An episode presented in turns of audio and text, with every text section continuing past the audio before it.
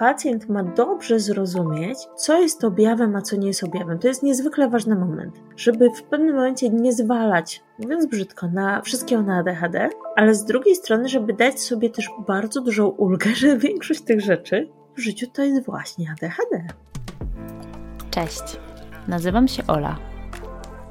Mam 36 lat, normalną pracę, męża i ADHD. I jeśli to, co przed chwilą powiedziałam, wzbudziło Twoją ciekawość, to mam nadzieję, że zostaniesz tu ze mną na chwilę, bo właśnie do takich osób jak Ty chciałabym dotrzeć. Szacuje się, że jakieś 15-20% ludzi na świecie to osoby nieneurotypowe. Tylko, że nie każdy o swojej neuroróżnorodności wie. Jest cała masa kobiet, które od zawsze odczuwają pewien dyskomfort, tylko nie do końca wiedzą, jak go nazwać. I bez świadomości tego, co może być jego źródłem, szarpią się ze sobą i cierpią w milczeniu. Bo o ADHD czy szeroko pojętej neuroróżnorodności u kobiet mówi się zdecydowanie za mało. I bardzo chciałabym, żeby ten stan rzeczy zaczął się powoli zmieniać. No i właśnie dlatego tu jestem. Żeby podzielić się z Tobą moją historią i żeby dopuścić do głosu inne kobiety atypowe, z którymi będę tu rozmawiać. A dzisiaj rozmowa z kolejną ekspertką.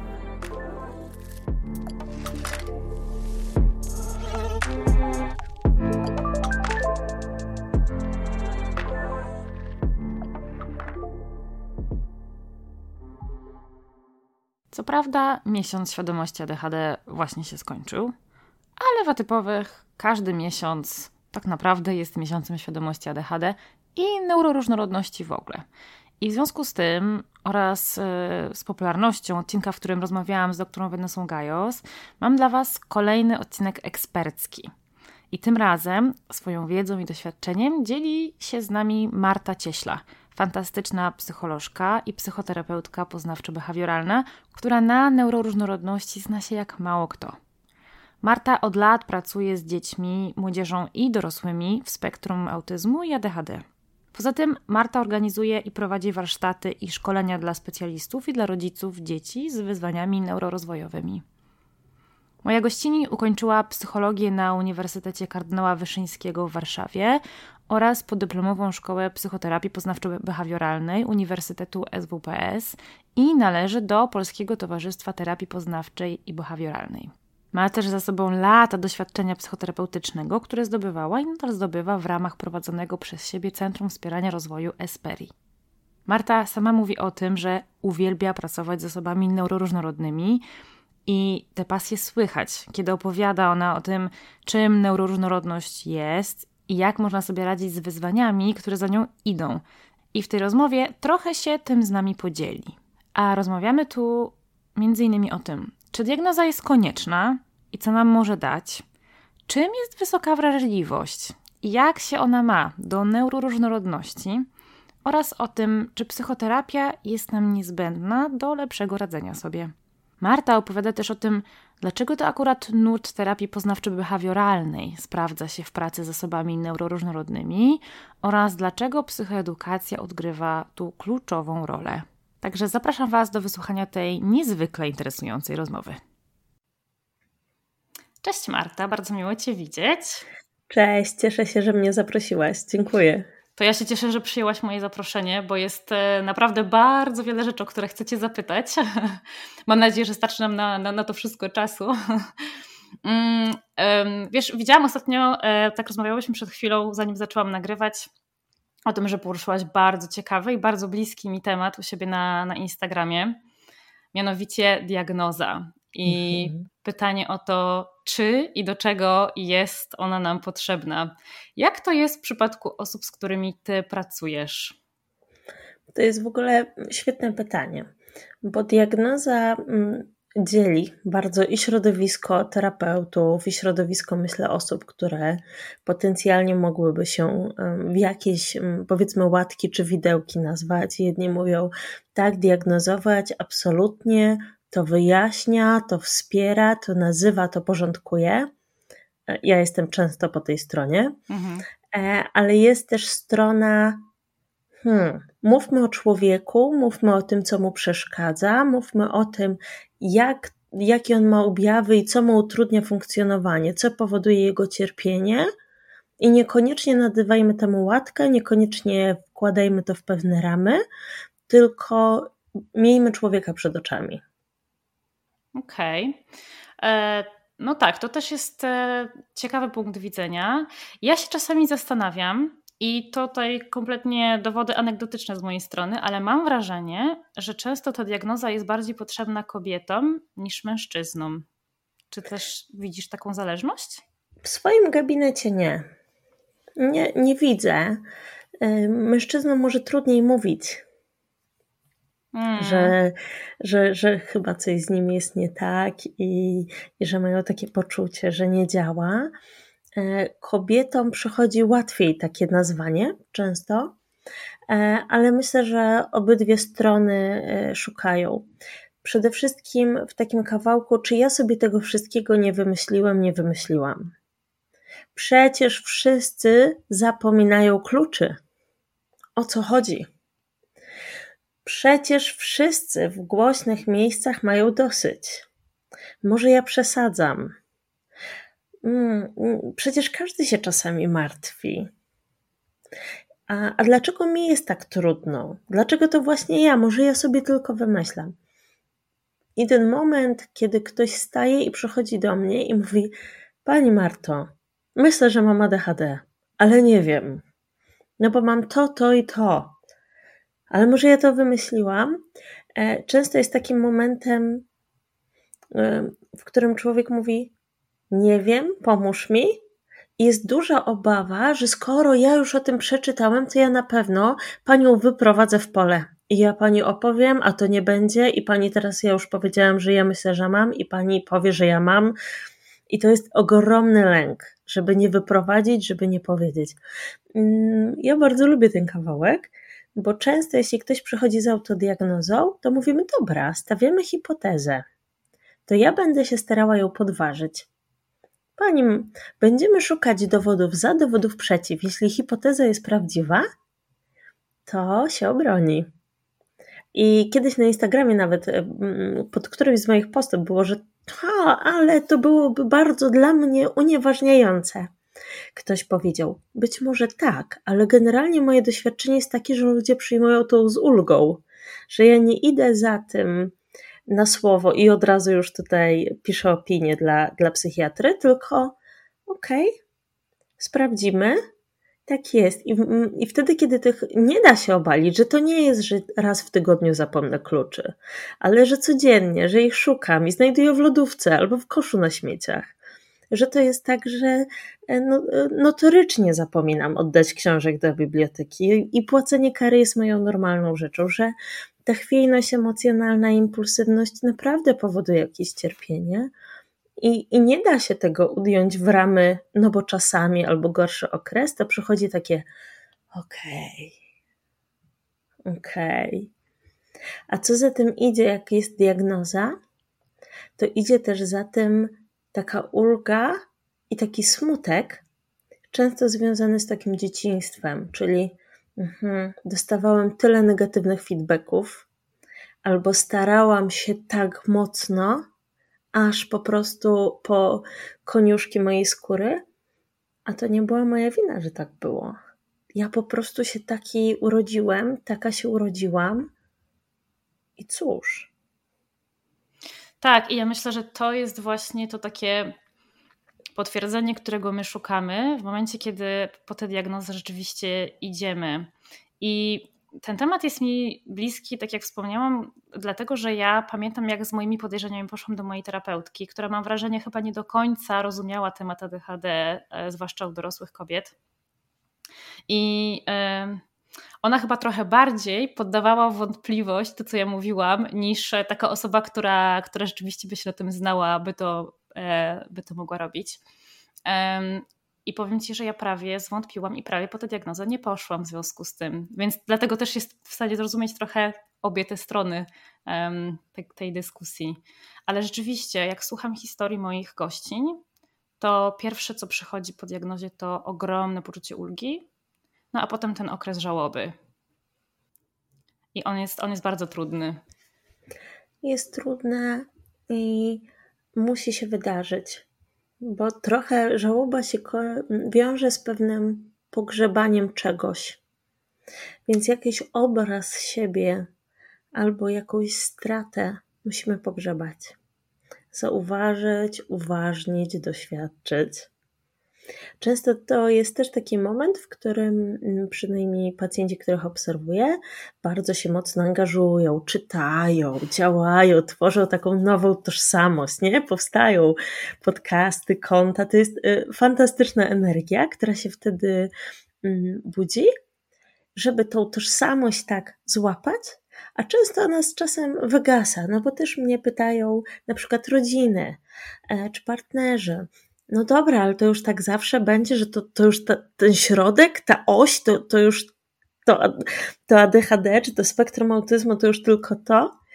E, a często jest tak, że z czasem to wygasa i to robi się jeden z puzli bardzo ważnych w naszym życiu, ale, ale niekoniecznie taki najważniejszy. Bo myślę sobie, że to, to, czym jest neuroróżnorodność, ja często o tym myślę, to jest tak, jakbyśmy patrzyli przez jakieś okulary na świat, które są nam niezbędne, które jak nosimy je zawsze, ale jak zaczynamy je zauważać, okej. Okay. Mm, teraz to już wiem, jak to działa, nie? Że ten świat jest taki sam dla każdego, ale jednak ta neuroróżnorodność powoduje, że trochę widzimy rzeczy inaczej, doświadczamy, zauważamy, przetwarzamy. I te okulary, kiedy zaczynamy je widzieć, że mamy je, jak ten pan Hilar, że one to są i, i zaczynamy mieć ich świadomość, to możemy poczuć też taką um, ulgę z tego, że są, ale też taką możliwość zarządzania nimi. Wytarcia, przetarcia, nałożenia filtrów. Aha, dobra, to może mi to nie służy, może ja się nie muszę tak dociskać. To jest e, bardzo mi się podoba ta metafora i to jest ta sama metafora, której używa mój psychiatra. Ona mi się bardzo spodobała. Pamiętam, jak on mi pierwszy raz o tym powiedział i on tego użył chyba bardziej w kontekście um, farmakoterapii. On mhm. powiedział, że to jest tak jak zakładanie nowych okularów, jak się całe życie chodziło bez nich i niby się widziało, ale jednak ten obraz był taki lekko zamazany i to jest, to jest świetne, to jest dokładnie to.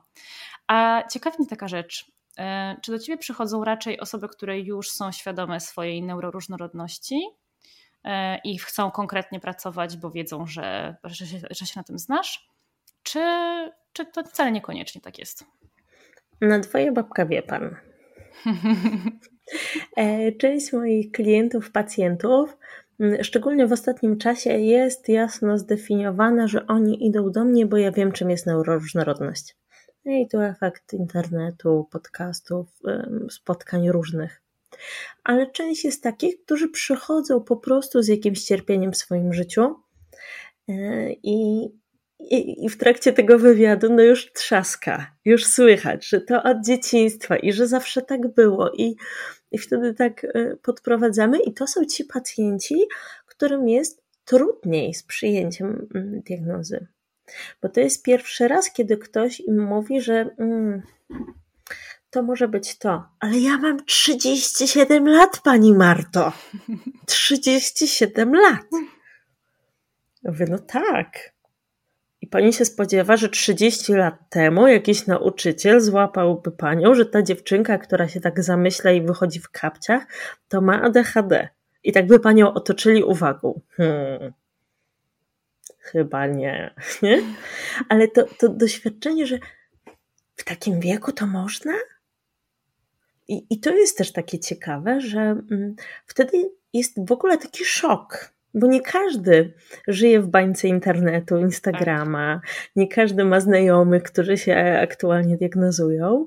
Mm, I to jest takie wtedy mocno zaskakujące, i wtedy nie ma ulgi najpierw. Wtedy jest odwrotnie najpierw jest żałoba, najpierw jest strata, potem jest etap duży walki, szczególnie jeśli chodzi o ADHD i leki.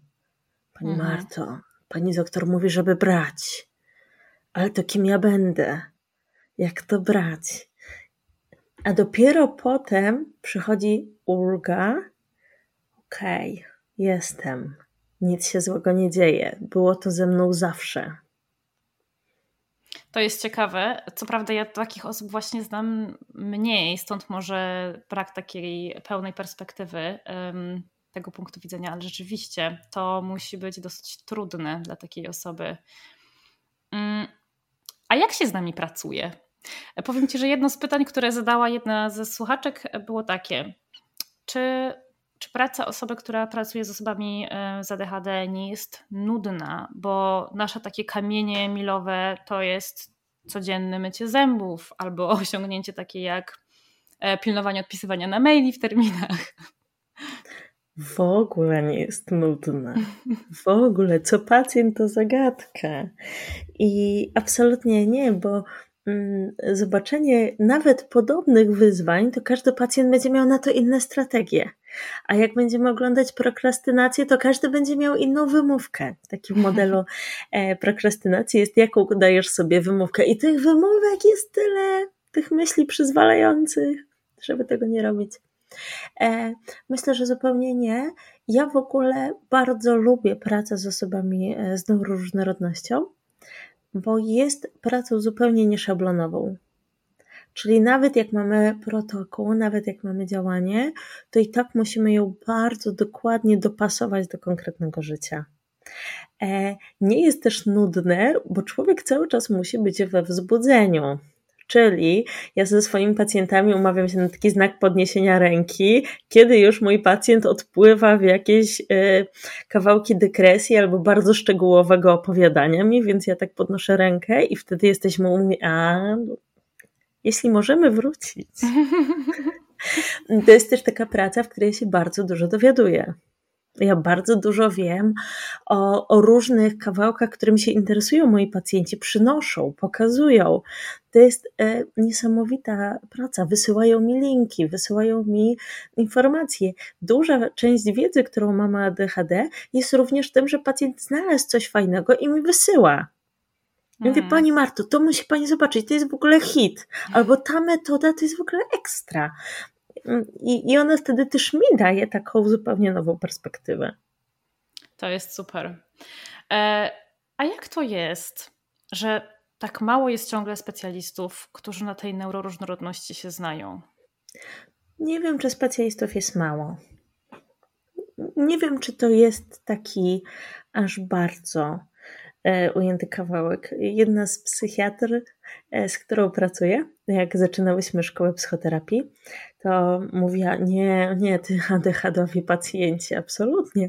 Jesteśmy na parę lat już po skończeniu szkoły. E, szkoła trwała cztery, czyli powiedzmy po siedmiu latach. Mówi, Marta, większość moich pacjentów to są pacjenci teraz z neuroróżnorodnością.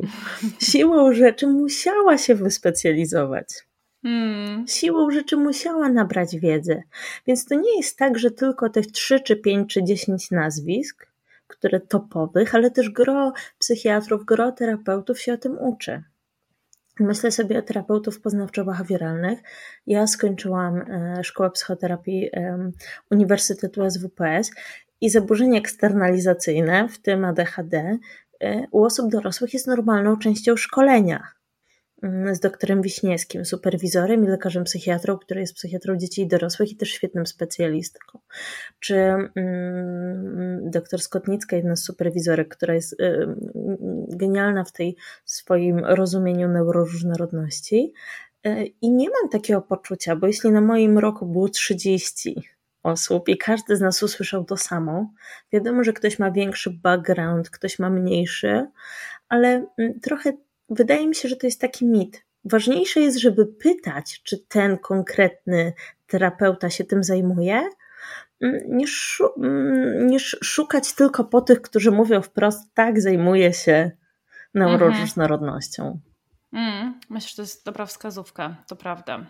E, zaraz sobie przejdziemy trochę do szczegółów tego, e, jak ty ze swoimi klientami, pacjentami pracujesz, ale ja chciałabym tak trochę wyjść od e, pewnej rzeczy, która mnie osobiście bardzo interesuje. Kwestia wysokiej wrażliwości. Jak to z nią jest? Czy ten koncept ma rację bytu, czy nie ma? Bo są psychologowie, którzy twierdzą, że nie powinno istnieć w przestrzeni publicznej, a są tacy, którzy używają tego sformułowania. To jest taki termin mina, mm. czyli Mhm. co się nie zrobi, to, to wybuchnie. Z mojej perspektywy tak. Temperament to jest coś absolutnie podstawowego. Każdy z nas ma temperament. Ja bardzo lubię koncepcję e, polskiego profesora Strelała, który pewnie gdyby urodził się w Stanach i wydał tam swoje książki, to by to była teoria ogólnie znana. E, I ona w swoim założeniu zakłada, że mamy temperament, który będzie mm, opisywany na różnych skalach, na przykład na skali żwawości, czy ktoś jest żwawy, szybki, czy y, potrzebuje więcej czasu na zmiany, który obserwuje wrażliwość na bodźce, czy ja jestem bardzo wrażliwy na bodźce, czy, czy potrzebuję naprawdę coś się dużego wydarzyć w tym sensorycznym świecie, żebym to dostrzegł, który opisuje to, jak bardzo jestem perseweratywny, czyli jak bardzo wracam do sytuacji, które były i przetwarzam i powtarzam, który opisuje to, jak, e, jaki mam szybkość reakcji, e, który opisuje to, jak jestem wrażliwy i tak dalej, i tak dalej. I ja sobie myślę, że sama książka, od której wyszło, nie jest jakimś szałowym wydarzeniem. Tak? Ale myślę, że e, jakbyśmy spojrzeli na taki koncept, że są ludzie, którzy przetwarzają bodźce w sposób bardziej czuły, którzy um, potrzebują więcej, na przykład spokoju, które e, bardziej empatycznie, szybciej odczuwają emocje innych, to zaczniemy sobie mówić o tym, że faktycznie tak rozumiana wysoka wrażliwość istnieje. I ona była badana lepiej, gorzej, w lepszych badaniach, gorszych, ale myślę, że spieranie się o to, istnieje, nie istnieje, jest wylewanie dziecka z kąpielą, tak jak diagnozować czy nie diagnozować. Mhm. Co ci to robi? E, część pacjentek, które trafiły do gabinetu, trafiły dlatego, że myślały, że są wysoko wrażliwe. A potem się okazało, że na przykład są spektrum autyzmu albo mają ADHD. Część pacjentek będzie po prostu o takim typie przetwarzania e, bodźców, w takim typie temperamentu. I to nie jest żadna Mm. ani wada, ani zaleta, bo nie lubię też takiej koncepcji wyjątkowości. Hmm. Takich tworzenia, że ty jesteś wyjątkowy, bo jesteś wysoko wrażliwy. Nie, ty jesteś wyjątkowy, bo jesteś wyjątkowy. Koniec, kropka. Każdemu z nas się to należy, każdy z nas ma do tego prawo. E, więc rozumiany jako temperament, wysoka wrażliwość? Tak. Nie negujemy tego, że temperament istnieje. Czy dokładnie w taki sposób, jak jest odpisane w książce? Nie, ale myślę, że wiele osób już w tym momencie, czy wielu psychologów y, mówiących o wysokiej wrażliwości w tym momencie odchodzi od tego rozumienia, e, a, a właśnie upsychologicznia go, bo skoro ludziom tak bardzo był ten koncept potrzebny, no to go utrzymajmy i nazwijmy, czym on jest, czym on nie jest. Hmm. Ja zapytałam Cię o to, bo rzeczywiście rozmawiając e, z wieloma kobietami, słyszałam historie e, takie, o których wspomniałaś, czyli właśnie to były dziewczyny, które gdzieś tam trafiły na, te, na, na, na, na koncept e, wysokiej wrażliwości, zaczęły się z nim utożsamiać i gdzieś po nitce do kłębka dzięki temu doszły do tego, że to jest właśnie albo, albo ADHD, albo spektrum autyzmu, albo jedno i drugie. I na grupie osób dorosłych z ADHD na Facebooku. Bardzo często pojawiają się tego typu dyskusje i zdarzają się często osoby, które twierdzą, że właśnie wysoka wrażliwość nie istnieje, że to jest po prostu inny sposób nazywania neuroróżnorodności. Stąd moje pytanie. No nie, ale to, to nie można tego tak wprost, bo samo, sam e, przetwarzanie, sam temperament to jest takie nasze oklablowanie. Mhm. Ono wcale nie musi wpadać w tą neuroróżnorodność, tą wąską, nie? No bo w tą szeroką wpadnie. Tak. Że jesteśmy różni, przetwarzamy różnie i to jest ta neuroróżnorodność, ten szeroki koncept neuroróżnorodności. No dobrze, to już e, wiemy, co jest czym. Możemy przejść do, do, do konkretów. Jestem ciekawa, z jakimi największymi trudnościami borykają się osoby, które trafiają do ciebie? Czy to są już osoby wiedzące o swojej neuroróżnorodności, czy, czy jeszcze nie wiedzące? Jesteś w stanie to jakoś tak uśrednić? Nie, ale mogę powiedzieć o grupach. Mhm. Pierwszą grupą są ci, którzy zgłaszają się bezpośrednio z objawami, czy to spektrum autyzmu, czy to ADHD. Czyli bezpośrednio chcą na przykład zorganizować swoje życie, uporządkować swoje funkcje wykonawcze, założyć te okularne objawy, znowu okulary, tym razem nie w mhm. postaci leków, ale dostosowania otoczenia i strategii, e, które chcą e, sobie to poukładać i zobaczyć siebie tym świecie, ile mogę zmienić, a ile nie mogę. I to jest taka pierwsza grupa osób. Albo jak to jest w spektrum autyzmu, często ułożyć to, gdzie jestem ja w tym wszystkim. Ok, ja jestem, mam to spektrum, mogę, nie mogę, to jest moja moc, to jest moja słabość i, i czują się czasami bardzo zagubione, nie? I, i wtedy, wtedy się zajmujemy faktycznie takim zobaczeniem siebie, poukładaniem, trochę psychoedukacją tego, co mi to robi i też trochę strategiami na to, co ja mogę z tym zrobić, skoro nie mogę się zmienić, nie chcę się zmienić, bo to jest część mojej tożsamości, to jak mam dopasować ten świat do siebie. I to jest pierwsza grupa osób, i ona jest moim zdaniem najmniejsza. Druga grupa to jest ta, która przychodzi z różnymi rodzajami kryzysów e, takich mm, emocjonalnych, mhm. które pośrednio czy bezpośrednio nawet wypływają z tego, że właśnie e, przetwarzam świat w taki sposób, albo mm, jestem na przykład z radzeniem sobie ze złością.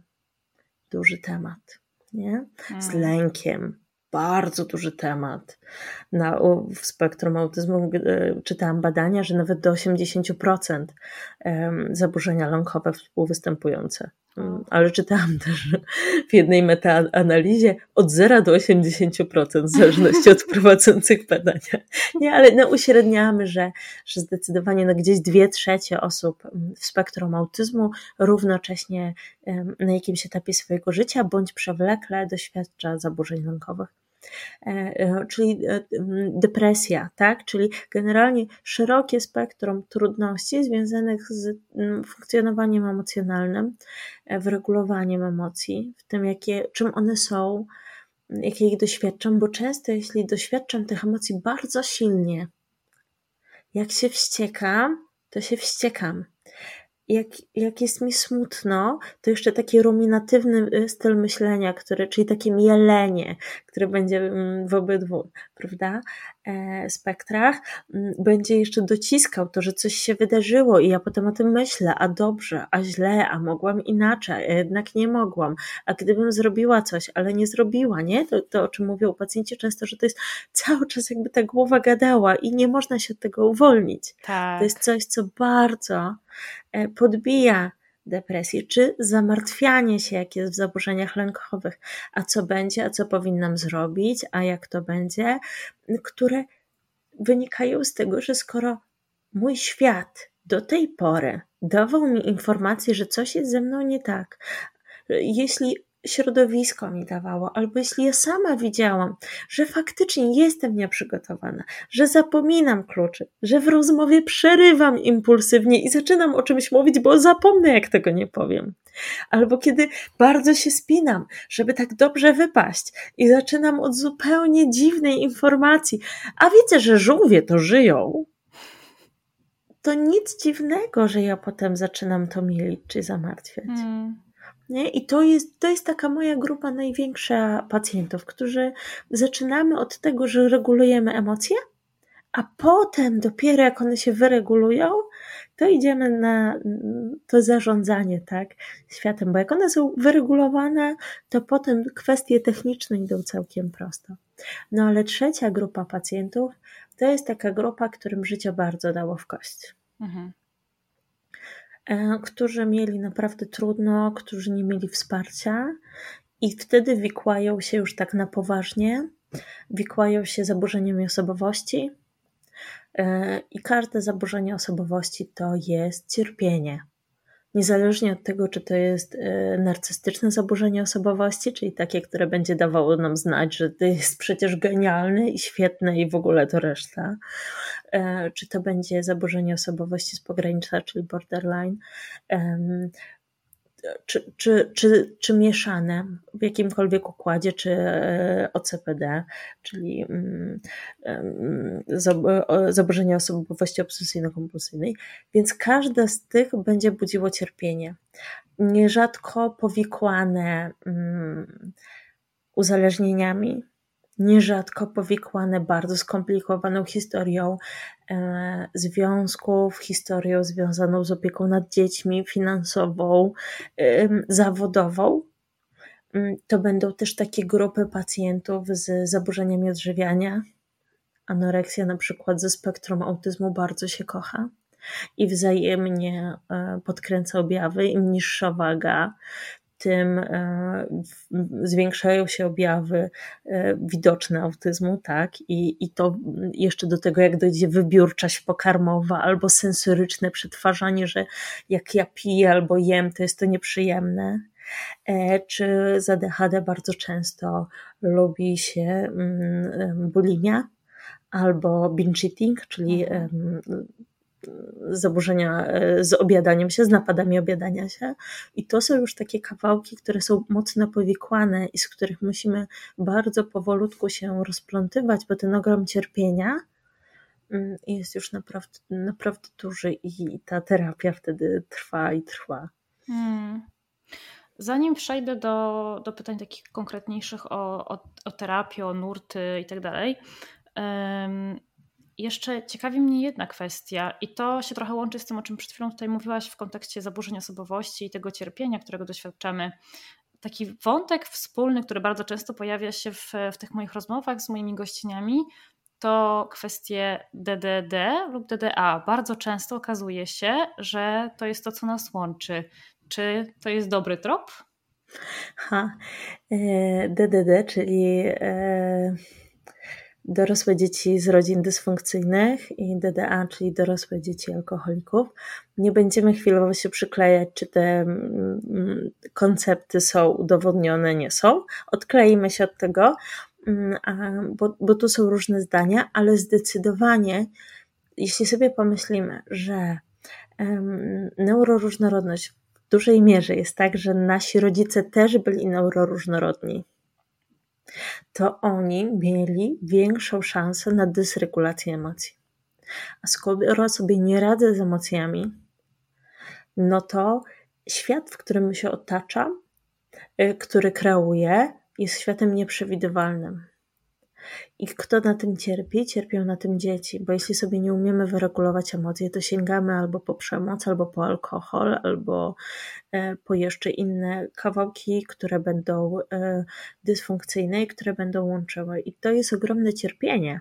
Mm. E, I to jest ogromne cierpienie dla dzieci, i to jest ogromne cierpienie w ogóle dla całego systemu. I wygrzebanie się potem z tego i zrozumienie, rozplątanie tej swojej historii użyję z tego słowa z takim współczuciem do tych rodziców. Nie dlatego, żeby powiedzieć wybaczam ci, bo to nie chodzi o to, żeby komuś to powiedzieć, tylko żeby zrozumieć i puścić w sobie tę krzywdę, która nam się wydarzyła. Nie dlatego, że ona była nieprawdziwa czy nieważna, tylko dlatego, że trzymanie tej krzywdy niszczy nas samych. I myślę sobie, że to jest bardzo trudny kawałek, bo on y, będzie samonakręcającym się. Jeśli mamy rodzica, który jest rozregulowany emocjonalnie i dziecko, które mm, też ma problem naturalnie biologiczny z regulacją emocji, to jedno będzie nakręcać drugie. Rodzic nie wyreguluje się, żeby przyjąć emocje dziecka, żeby je skontenerować. Dziecko się tego nie może nauczyć. Rodzic się wzbudza, stosuje przemoc, robi różne rzeczy, które jeszcze bardziej zwiększają dysregulację u dziecka. Taka samo nakręcająca się spirala cierpienia. Tak. Hmm. No i teraz tak. Ty pracujesz w nurcie poznawczo-behawioralnym. Zdecydowanie całym sercem. I to jest nurt, który najczęściej specjaliści polecają w kontekście właśnie ADHD czy, czy spektrum autyzmu. Ale jak to jest z tymi innymi nurtami? Czy to jest tak, że one sobie z tymi tematami nie poradzą? Czy wciąż nie do końca? nie znam się na innych nurtach. Nie znam się na innych nurtach i nie mogę się za nich wypowiadać. E, mogę powiedzieć, dlaczego poznawczo-behawioralna. Mhm. Dlatego, że ma strukturę i porządek, czyli potrzeba, pomaga się trzymać w ramach. My wiemy, co się wydarzy, daje to pewnego rodzaju przewidywalność, która e, szczególnie jest ważna dla osób e, w spektrum autyzmu. Mhm. Wiem, co się wydarzy, wiem, w którym momencie jesteśmy, mam nad tym kontrolę, dlatego że tworzy się też wspólną konceptualizację, czyli pacjent i terapeuta wspólnie rozgryzają, jak to u niego działa. Jest taki pacjentocentryczny CEBET, czyli ty, pacjencie, i twoje przeżywanie jest kluczowe. Nie interesuje nas, jak ma świat. Interesuje nas, jak masz ty i jak ty to rozumiesz. I to ty, pacjencie, jesteś specjalistą od siebie. Ja bardzo lubię taką metaforę szewca, że terapeuta poznawczo-behawioralny jest jak szewc, on te buty umie robić y, i ma te wszystkie narzędzia, ale to przychodzi y, klient i mówi, nie, nie, takie buty tu są niewygodne, tu cisną, a mają być w tę stronę, a ja w ogóle chcę w nich chodzić po górach i po chodniku i ty się teraz terapeutą męcz i wymyślaj, jakich narzędzi użyjesz. I myślę sobie, że to jest taki plus tego, żeby był, mm, był to mocno osadzony w tym, czego pacjent chce. Jest, e, mocno też kładący nacisk na psychoedukację. Czyli tak działają ludzie, tak działają emocje. Skoro masz taką dysregulację, to w takim modelu możemy zobaczyć to tak. Nie? Poopisujmy sobie, posprawdzajmy. Czyli też dają taki kawał wiedzy, a wiem, że no, moim pacjentom neuroróżnorodnym to bardzo pomaga. Mhm. Aha, to tak działa. Aha, dobra, czyli co? E, no i ostatnie, daje narzędzia.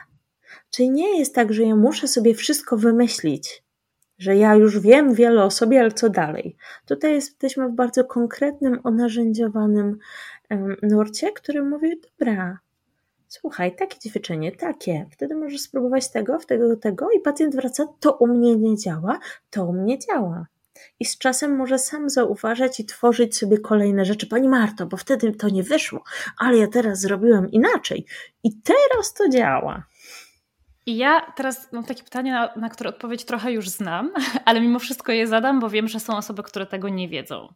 Czy to faktycznie tak jest, że my jesteśmy, my ADHDowcy, jesteśmy w stanie nauczyć się, jak korzystać z kalendarzy i planerów, jak rozumieć koncept czasu, jak ogarniać życie generalnie?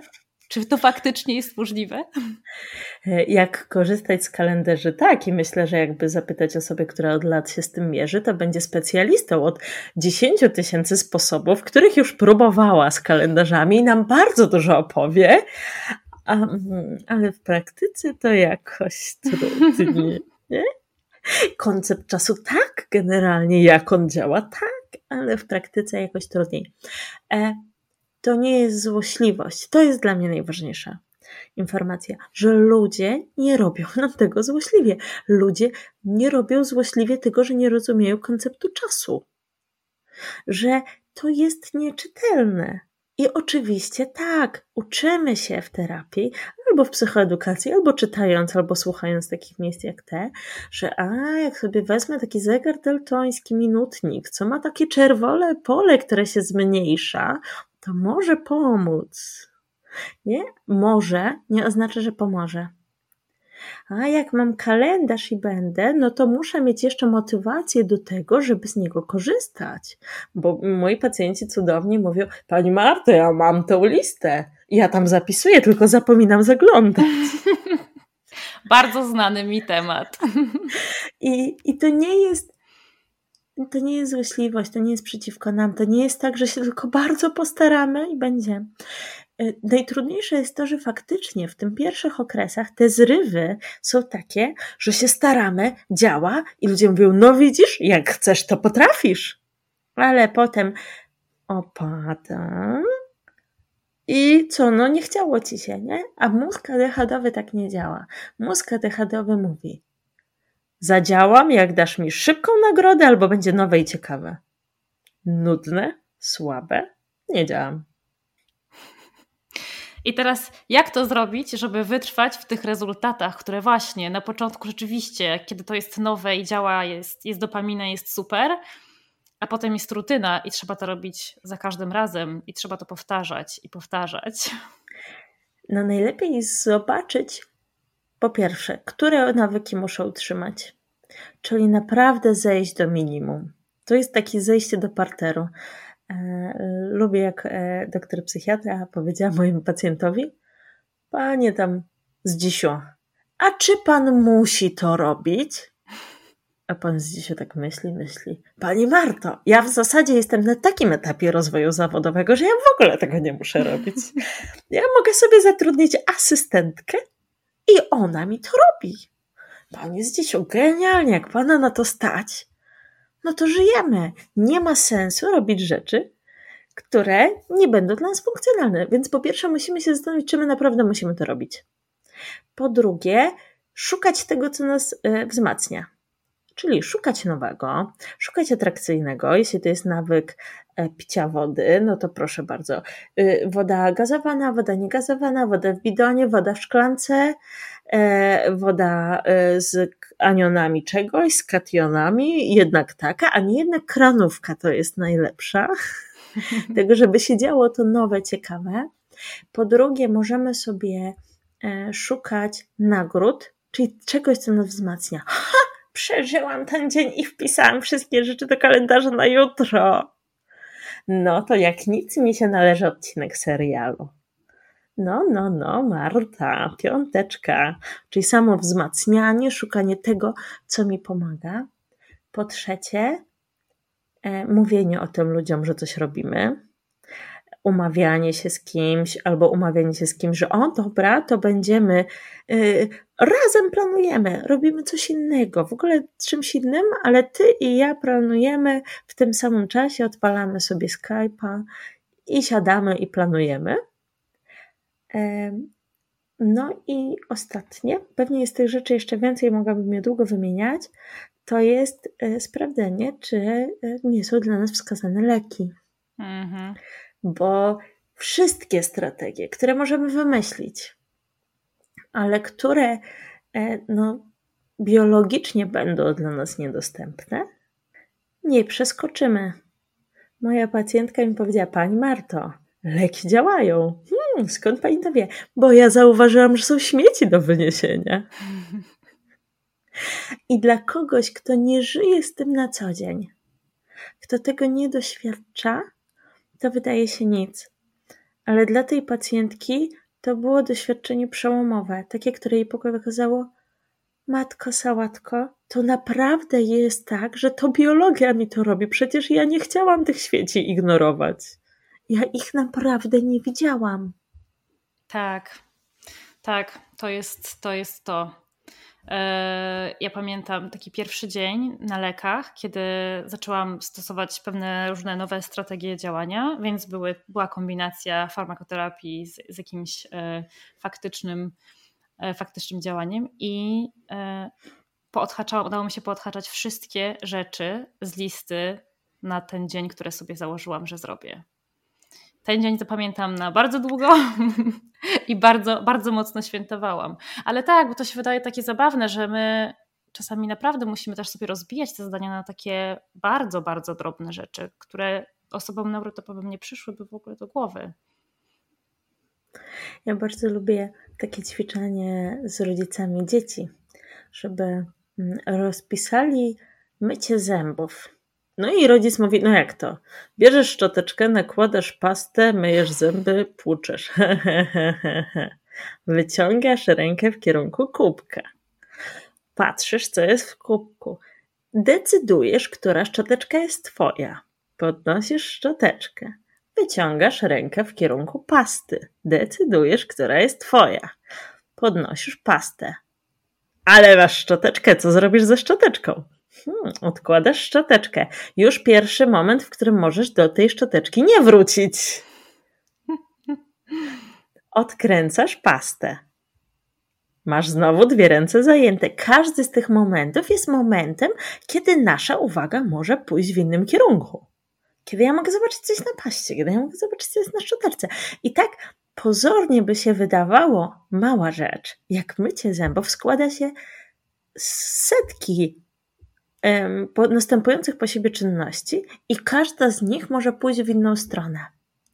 I to jest coś, co zrozumienie mm, jest dla mnie przewrotem kopernikańskim, że jeśli moja uwaga często działa w sposób dowolny, mimowolny, nie? Przeskakuję. Jestem tu, a za chwilę jestem tu i zamiast y, myć zęby myję umywalkę, ale w zasadzie to zobaczyłam sedys, więc muszę go umyć. Ale gdzie ja mam środek? A, w łazience, ale są rzeczy niezmyte.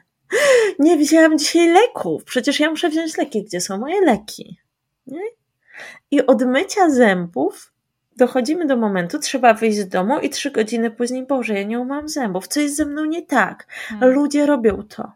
Ludzie robią to codziennie rano, a ja nawet takiej prostej rzeczy nie mogę zrobić. Hmm. Czy te rzeczy da się ogarnąć, nie będąc w terapii? Tak, tak, tak, tak.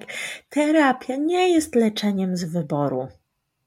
Terapia nie jest leczeniem z wyboru ADHD. Terapia jest na miejscu trzecim. Na pierwszym jest psychoedukacja, czyli e, dostajemy diagnozę i lekarz, psychiatra e, prowadzi z nami taką psychoedukację albo kieruje nas czy do jakiejś grupy, czy do psychologa, psychoterapeuty na indywidualne spotkanie, czy poleca książkę. Jakkolwiek. Czyli pacjent ma dobrze zrozumieć, o co chodzi z tym, że ma ADHD.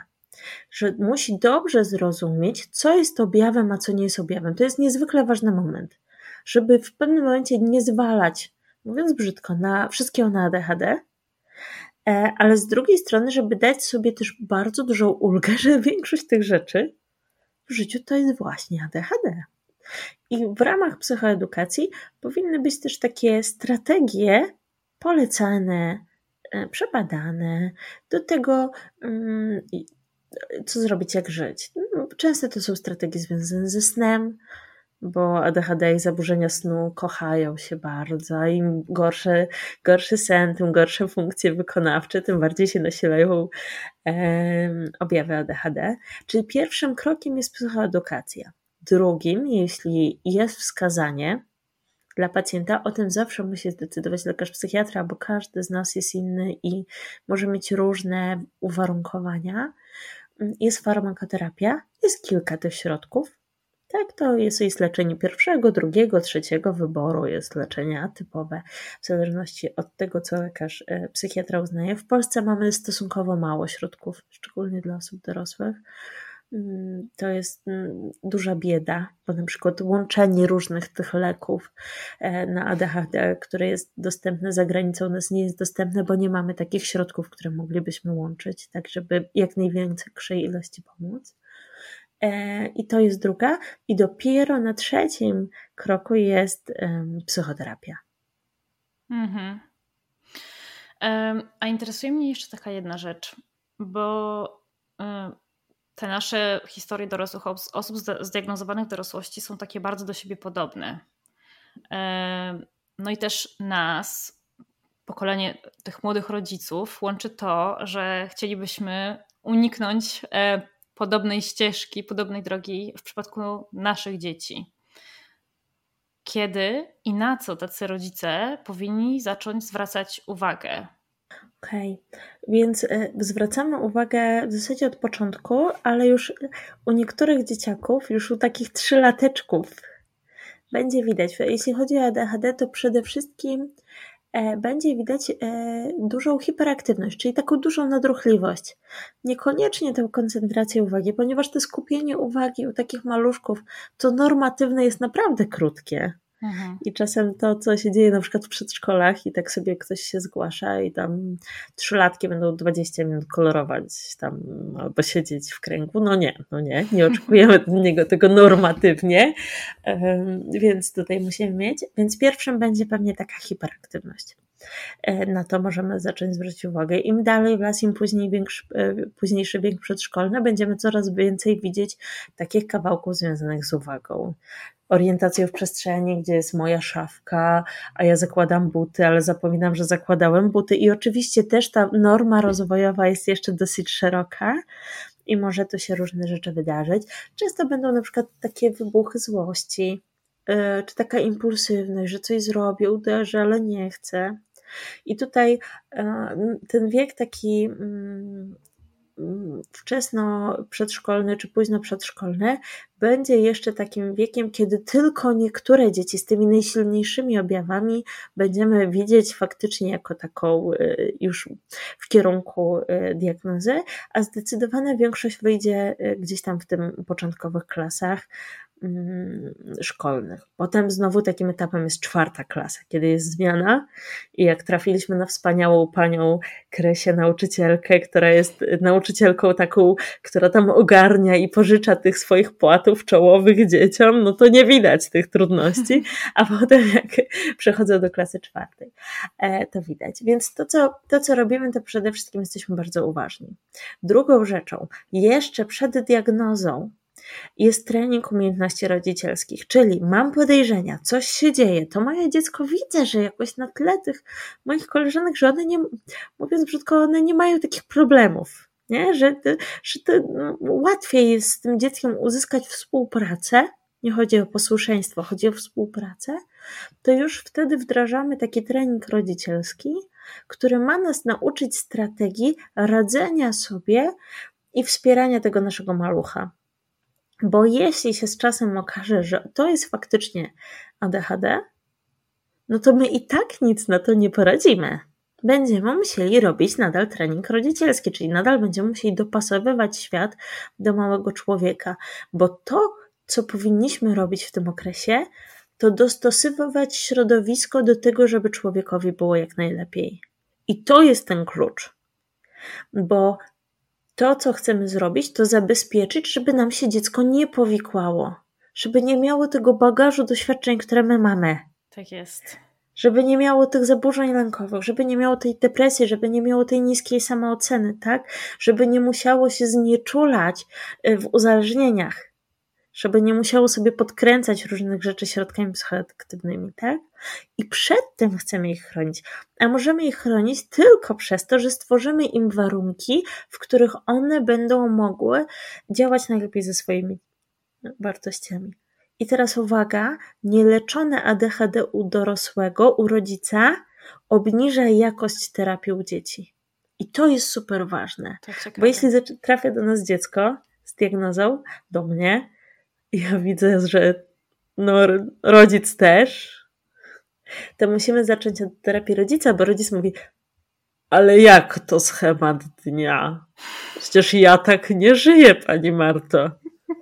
Ale jak to przewidywa? Ale, ale jak? Ale, ale jak ja mam kontenerować tego jego złość i nazywać i się w nią nie angażować, jak mnie samą odpala, nie? Impulsywność. Więc to są te kawałki i to jest dobry moment, żeby zaopiekować się sobą, bo to jest maraton. I, i będzie to wsparcie długo potrzebne. Ale właśnie ten kawałek, że to my z tym dzieckiem nie musimy chodzić na żadne terapie. Tak? Przede wszystkim w przypadku ADHD, bo żadna terapia nie da nam takich efektów jak trening rodzicielski i leki. Czyli jak to, że i dopasowanie środowiska oczywiście szkoły i tych wszystkich miejsc, w których dziecko przebywa, tak. Super, to jest ważna wiadomość dla wszystkich rodziców, którzy nas słuchają. A w jakim wieku warto pójść po diagnozę w przypadku takich dzieci? W takim wieku, kiedy zaczyna być bardzo trudno. Nie ma. E, bywają trzylatki z tak silnymi objawami, że warto jest e, pójść e, najpierw często do e, psychologa dziecięcego, tak? I jeśli to nam nie pomaga, to do, do lekarza psychiatry diagnozować, żeby zobaczyć. Nie ma. Wtedy, kiedy jest człowiekowi trudno, bo to, co jest bardzo ważne, to jest szczególnie zauważane w spektrum autyzmu, w zaleceniach NICE. E, czyli takiej brytyjskiej e, mm, akademii, która zajmuje się e, analizą różnych danych i mm, wytycznymi do tego diagnozy i leczenia. I tam jest napisana taka rzecz. Nie wykluczamy spektrum autyzmu, nawet jeśli poprzednie badania je wykluczyły. Czyli na każdym etapie rozwojowym może się okazać, że mieliśmy na przykład na tyle wspierające środowisko, że tych objawów nie było widać. Mhm. Albo że nasze umiejętności wystarczały do takiego kawałka, a już wyżej nie podskoczymy. I tam jest jeszcze jeden ważny zapis. Nigdy nie należy bagatelizować podejrzenia osoby lub środowiska o tym, że może być w spektrum autyzmu że jeśli ktoś jest w terapii i mówi, Pani Marto, powinny, wydaje mi się, że jestem spektrum autyzmu, i ja jako terapeutka mogę powiedzieć, hmm, to ciekawe. Ja tu tego, tych cech nie widzę, ale absolutnie, jeśli pani widzi taki, to, to diagnoza to jest dobry moment, żeby to zrobić. Bo to maskowanie może być tak silne, że my możemy tego w ogóle z zewnątrz nie zobaczyć. Mhm. I myślę, że bardzo podobnie jest w przypadku ADHD. Na każdym etapie e, i za każdym razem, jeśli mamy silne podejrzenia. Oczywiście nie takie, że ja pomyślę, o, zgubiłam klucze, pewnie mam ADHD. No dobra, to idę do lekarza psychiatry, tylko kiedy jest to jakiś tam lifestyle, tak? jutro jest październik, 1 października, czyli miesiąc świadomości ADHD. Ja y, moim gościniom najczęściej na zakończenie zadaję takie pytanie, które ja chciałabym też na podsumowanie zadać Tobie, ale trochę szerzej w związku z tym, że Ty się zajmujesz neuroróżnorodnością w ogóle. Co byś chciała, żeby ludzie, wszyscy, e, jak jeden mąż, wiedzieli o neuroróżnorodności, co nie jest taką wiedzą powszechną? Że ona nie jest na złość. Koniec. Że ona nie jest przeciwko komuś. Że ona jest Podoba mi się to. Dziękuję Ci bardzo, Marta, za ten czas i za, za bardzo ciekawe e, informacje, które na pewno przydadzą się nie tylko mi, ale też wszystkim osobom, które tego słuchają. Dziękuję Ci bardzo za zaproszenie.